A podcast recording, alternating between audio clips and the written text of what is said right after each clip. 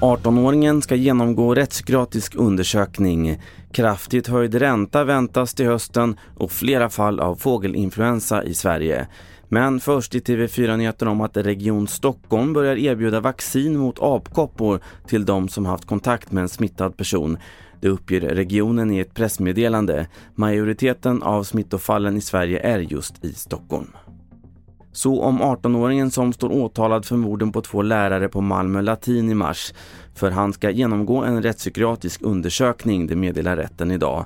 Först därefter kan straffet fastställas. Väntat, säger hans advokat Anders Elisson. Eh, domstolen hade väl egentligen inget val i det här läget med tanke på att paragraf 7-undersökningen, det vill säga den lilla, den lilla så kallade sinnesundersökningen pekade entydigt på att det skulle göras en större. Och där var de dessutom inne på att diskutera om en eventuell manodepressivitet och då har domstolen inget val. Elsparkcyklar kommer förbjudas att köra på gångbanor från och med den 1 september. Det meddelade infrastrukturminister Thomas Eneroth på en pressträff i förmiddags där han också sa att det citat var slutlekt. Vi går vidare om beskedet från igår kväll om att den amerikanska styrräntan höjs med 75 punkter.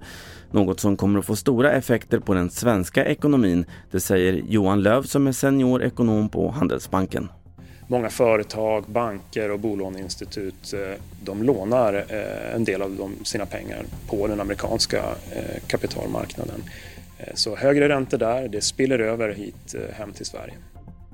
Till sist, under juli har Statens veterinärmedicinska anstalt, SVA, kunnat konstatera flera fall av fågelinfluensa, vilket är ovanligt sommartid. Särskilt drabbat är västkusten och Gotland och nu uppmanas badgäster att inte röra fåglarna. Karl Ståhl är statsepizootolog på SVA. Just det här fågelinfluensavirus har, har en begränsad förmåga att smitta människor. Men tar man på döda djur och döda fåglar eller sjuka djur så ska man tvätta händerna ordentligt.